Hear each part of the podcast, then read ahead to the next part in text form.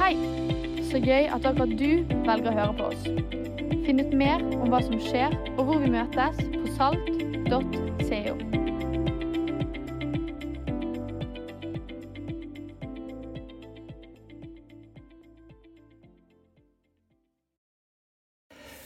Jeg har gledet meg til eh, å undervise denne søndagen, faktisk hele høsten. Dette har vi sett fram til eh, en periode i kirken vår som vi kaller for Hjerte for kirken. Hadde det ikke vært for at eh, et antall kristne har et hjerte for sin lokale forsamling, og la det få en konsekvens både for måten man anvender tiden sin og pengene sine og ressursene, talentene, gavene sine, ja, så hadde ikke vi hatt lokale menigheter. Givertjenesten er selve grunnlaget for den lokale kristne menigheten, og det er det vi skal snakke om i denne serien. Når jeg bruker ordet tiende og hellige gaver, så er det Bibelen sitt språk. Det er litt mer folkelig å si givertjeneste. Og det overlater jo de fleste til å gjøre en egen tolkning av eh, hva er det det betyr ja, både i størrelse og i frekvens. Jeg husker en gang jeg gikk med sånn bøsse for uh, TV-aksjon. Kom jeg til en stor, flott villa, og så var det en mann som uh, lukket opp døren der, og så puttet han en 200-lapp opp i bøssen, og så sa han ja, nå har iallfall jeg god samvittighet. Og da tenker jeg Det må være lov å snakke om størrelsesforholdet her. altså. Her bor vi i en svære villa i verdens rikeste land, og så får man god samvittighet av å gi en 200-lapp. Givertjeneste, tolk det som man vil. Men jeg møter dessverre også folk som er med i frimenigheter og bedehus, som tenker det spiller vel ingen rolle hvor jeg gir. Jeg kan gi til Redd Barna eller til Folkehjelpen eller til en misjonær et eller annet sted. Jeg er så takknemlig som leder at det fins noen familier Eh, noen eh, enkeltpersoner som har sagt at vet du hva, min givertjeneste den har sin adresse i den lokale kristne menigheten. Det er de menneskene som har en givertjeneste til menigheten Salt. Det er faktisk de som eh, opprettholder menigheten i det substansielle. Og jeg tror at det finnes et stort potensial til at flere av oss er med på det. Derfor er det vi har denne serien, og derfor er det vi snakker frimodig om dette. Motivasjonen for å snakke om dette ja, det er mange ting. En av motivasjonene det er et tema som Bibelen snakker mye om, og derfor vil vi snakke om det. Noe annet er at det fins uklarhet rundt eh, dette med tiendebegrepet. Hva betyr det? Er det noe som tilhører en gammel tid? Er det lovisk? Er det noe som vi ikke burde holde på med? Jeg skal si litt om det. Noe annet handler om nettopp det at vi må få et blikk på at Gud er en overflodens gud, og ikke en knapphetens Gud. Gud han eh, har mer enn nok. Etter hans navn det er at han er mer enn nok. Han er overflodens livgiveren. Han er skaperen. Gud, Gud har mer enn nok. Og jeg tror at har han bestilt sin misjon i verden, har han bestilt sin kirke i verden, vel, da har han også en plan for å få betalt regningen, og den involverer meg og deg. Siste motivasjon for å snakke om dette, det er dette som jeg nevnte da innledningsvis. Dette at selve Grunnlaget for menighetens økonomi er menighetens gaver og tiende. Se for deg en menighet i Norge med 100 voksne medlemmer. Nå er gjennomsnittsinntekt i Norge litt over en halv million. Ifølge Bibelens prinsipp så burde den menigheten dra inn ja, 5 millioner. Er menigheten 200? Ja, 10 millioner. Jeg kjenner kirkelandskapet i Norge ganske godt, og jeg vet at det, er de færreste menigheter med 100 som har 5 millioner, og det er de færreste med, med 200 som har 10 millioner. Og Jeg sier ikke dette annet enn for å illustrere at det fins en enorm kraft i et antall mennesker som har en eh, visshet og en forståelse av at vi kan få lov til å stå i en givertjeneste overfor vår lokale menighet. Det gjør menigheten sterk. For det er med en viss grad av bekymring jeg ser at eh, det er småstillinger som tilbys i forsamlinger rundt omkring. Det er knapphet rundt økonomi til å ansette ungdomsledere og barneledere og andre. Og hele sektoren får en eh, enormt nedadgående spiral hvis det materielle grunnlaget for å få det til ikke fins. Derfor så sier jeg med all mulig frimodighet vi trenger å snakke sant om hva Bibelen lærer oss om økonomi. Og så trenger vi å snakke sant om at det å ha hjerte for Kirken, det er det som opprettholder og driver Kirken videre. Nå er vi preget av en enorm eh, fryktkultur. Hver eneste dag i avisen så står det om økt rente, og det står om strømpriser, og det står om matvarepriser og inflasjon. Det er forståelig at Ola og Kari blir bekymra. Men Bibelen lærer oss at frykten det er ikke et godt sted å være. Det står 365 ganger i Bibelen 'frykt ikke'. For frykten den lammer oss. Frykten, frykten den begrenser oss. Frykten den, den gjør at ikke vi ikke tør. Jeg tror det fins en vei ut av frykten, og det er at vi tror Gud. At vi tror at Gud er en Gud som vil velsigne. Gud er en Gud som har en plan for også det som handler om økonomien vår. Og Det må jeg flatt ut få lov til å bare si sånn som det er. Av de 39 velsignelsene, unnskyld, liknelsene som Jesus forteller, så er faktisk 16 av de om forvaltning og 11 av de direkte om penger. Hvert syvende vers i Lukas evangelium dere, handler om penger. Jesus snakket om dette. Hvorfor gjorde han det? Hvorfor snakket Jesus så mye om det? I Det nye testamentet står det 275 ganger om å tro. 371 om eh, å be. 714 om det å elske og kjærlighet. Og 2162 ganger om gi og giverglede. For Jesus så er meldingen tydelig. Den som er løst ifra det en eier, den er fri. Det vil si at alt det vi eier, må ikke få lov til å eie oss, men vi må få lov til å se at hele vårt liv, med alt vi eier og har, og det vi er satt til å forvalte, når vi overlater det til Gud og sier 'Herre, led oss i dette', lær oss å forvalte dette, ja, da fins det en vei til frihet. Og Det var nettopp dette Jesus var så opptatt av. Han kritiserte de religiøse lederne. Han sier til dem i eh, Matteus kapittel 23, 23-24, da sier han dere, dere er tiende av mynte og anis og karve, men forsømmer det som veier mer i loven, nemlig rettferdighet, barmhjertighet og troskap. Det ene burde gjøres, og det andre ikke forsømmes. Blinde veiledere som siler bort myggen, men sluker kamelen. Hva er det Jesus sier her? Jo, Jesus sier ikke direkte at vi skal gi tiende, men han sier at tiende er et viktig prinsipp. Men han sier det er ikke den ytre regelmotivasjonen som gjelder, det er den indre hjertemotivasjonen som gjelder. Jesus påpeker gjennomgående og systematisk gjennom sin tale og sin interaksjon med folket at vi må ikke bli låst inn i det materielle. Vi må bli fri fra det, slik at vårt hjertes motivasjon kan være det vi lever ut ifra. Er det han sier i Lukas kapittel 16, 11, når han sier om dere ikke er tro når det gjelder den urettferdige mammon, hvem kan da betro dere de virkelige verdiene? Altså, Det fins noen eh, verdier her i det horisontale som han sier vær trofast her når det gjelder økonomien deres. For hvis dere er det, ja, da vil de virkelige verdiene, det som kommer fra himmelen, det vil da være deres verdier også.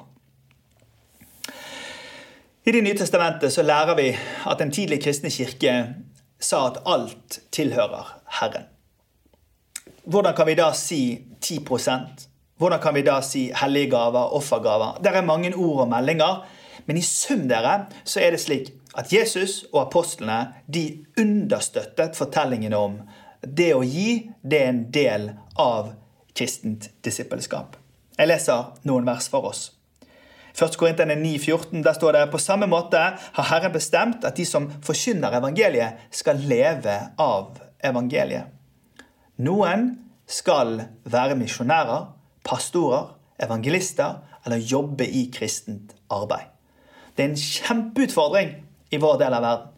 At eh, vi har så få ansettelser som vi har. Vi trenger mer folk på jobb. Derfor så maner vi til givertjeneste. Folk som sier vi vil bruke tiden vår og kreftene våre på arbeidet. Det står i boka. Det er meningen at noen skal leve av evangeliet. Først Korintene 16.1. Når det gjelder innsamlingen til de hellige, så skal dere gjøre slik jeg har pålagt menigheten i Galatia. Det å samle inn skal ikke tilhøre forlegenhet. Nei, det å samle inn det er helt vanlig. Det er et særnorsk fenomen. Særnordisk fenomen. At de folkekirkene i Norden har en pengestøtte som går inn imot eh, kristent eh, arbeid. Det er en særnorsk greie som henger sammen med at kommune og stat ble slått sammen med kirke på et visst tidspunkt i historien. Det er særnorsk. Men jeg reiser mange land verden over, og når jeg, det er ofte jeg opplever en større raushet og en større større frimodighet og en større giverglede og en større økonomisk eh, styrke i menighetene andre steder enn her hjemme. Derfor så trenger vi å våkne opp og forstå innsamling det er bra at vi gjør. Vi må bare huske på vi måtte bare, bare huske på de fattige, og nettopp det har jeg lagt vind på å gjøre i Galaterne 2.10. De politiske vinden snur i Norge nå. Nå kuttes arbeid som har et kristent eh, verdigrunnlag. De samme pengene tas ikke ut av budsjettet, men de settes over på andre steder i budsjettene der det ikke er kristne eh, organisasjoner som drifter det. Den kristne kirke har i 2000 år måttet huske på de fattige. Det skal vi gjøre. Vi må fortsette det diakonale arbeidet. Derfor er vi frimodige på vi trenger givertjeneste for å få gjort jobben. Han som gir såkorn til å så, har gitt brød til den som skal spise. Han skal også gi dere såkorn, så dere kan bære rikelig og la deres rettferdighet bære rik frukt. Dere skal ha rikelig av alt så dere gjerne vil gi. Altså Ordet forteller oss at vi får nok så at vi ønsker å gi. Og Det er det som ordspråkene lærer oss, at den gjerriges verden den blir mindre og mindre. Men den rauses verden den blir større og større. Det er naturlig kristen dyd å være en som gir av det en eier, så at andre kan bli velsignet.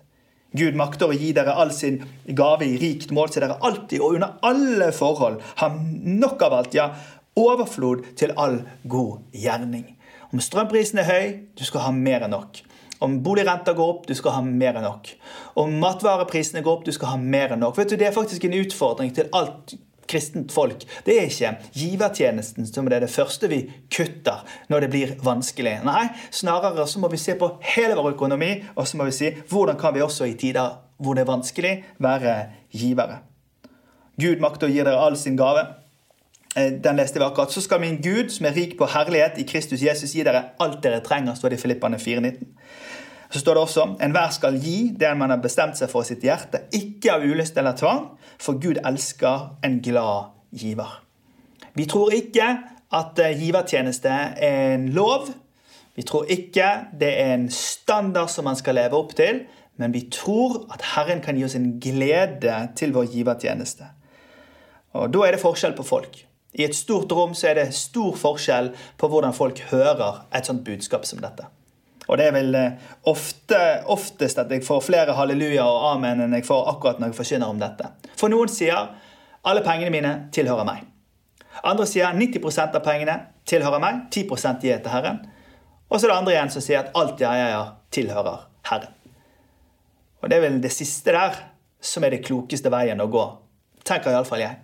Fordi at uh, hele mitt liv, min hverdag, min fritid, min økonomi, alle mine ressurser. Alt dette har jeg overgitt til Gud og sagt jeg ønsker å leve mitt liv for å ære Gud og fremme Jesu interesser i verden. Og Når man gjør det, ja, så kommer man inn i dette riket hvor Gud passer på en. Og så skal man være klok og forstandig og ansvarsfull. og Selvfølgelig 100% men i alt dette vite at Gud, han er en trofast herre. Vi lever i verdens rikeste land.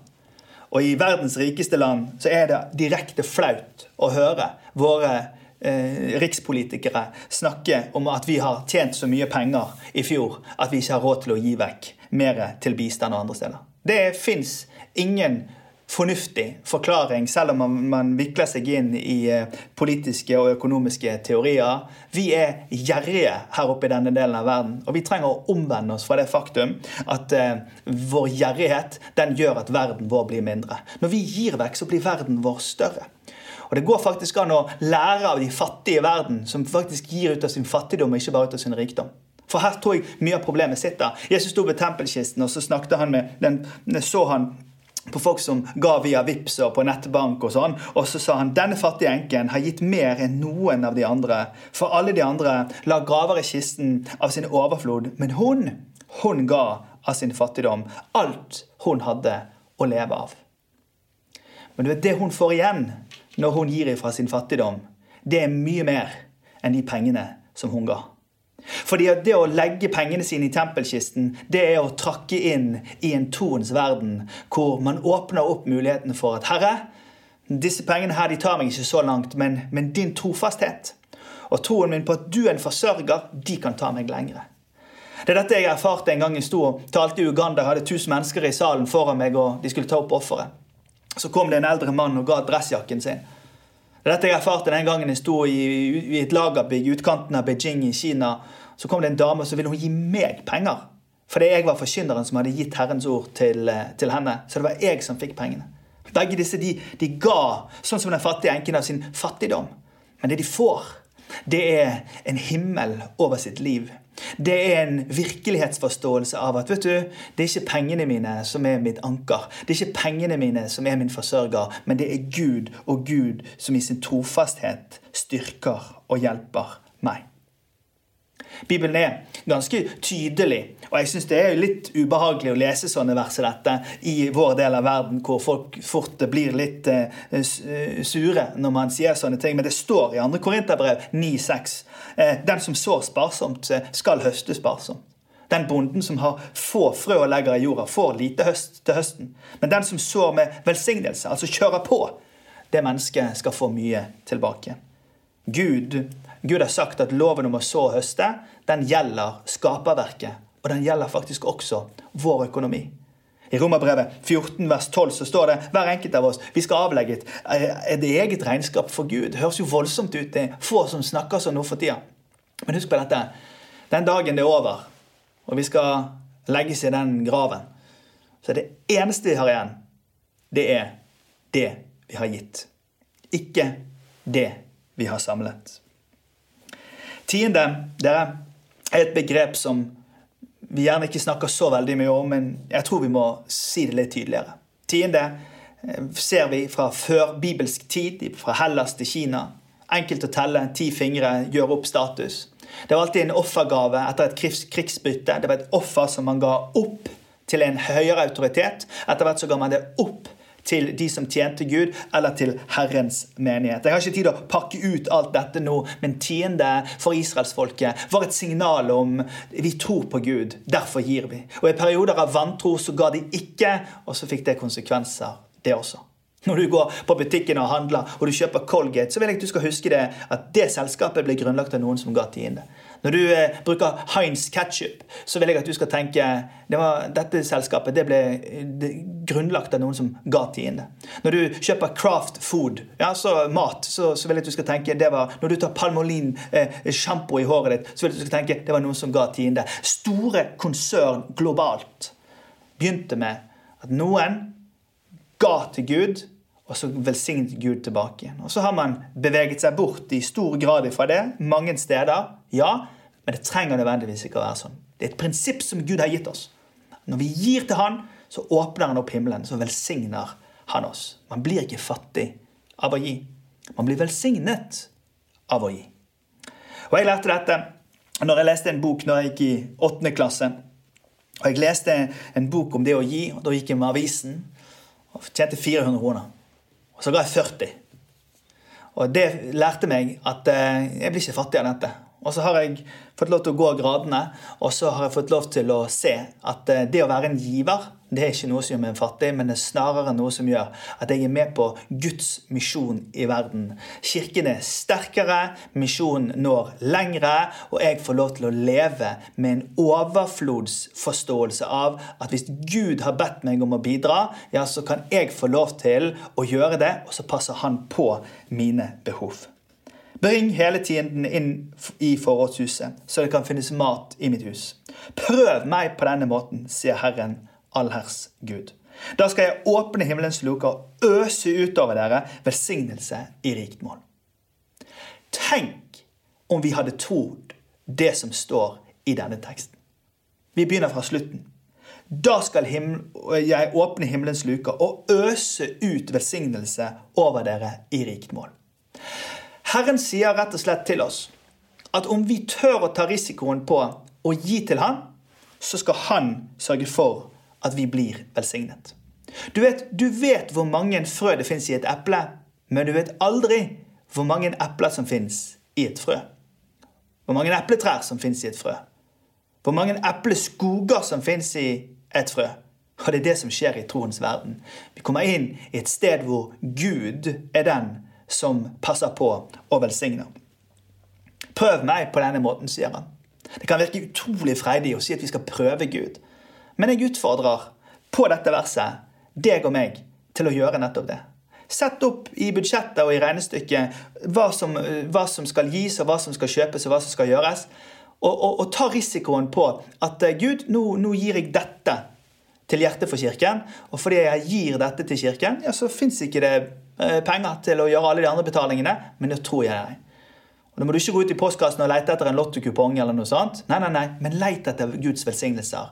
Min erfaring er Gud velsigner Gjennomgående. Prøv meg på dette, måten, sier han. Bring hele tiden inn i forholdshuset, så det skal finnes mat i mitt hus.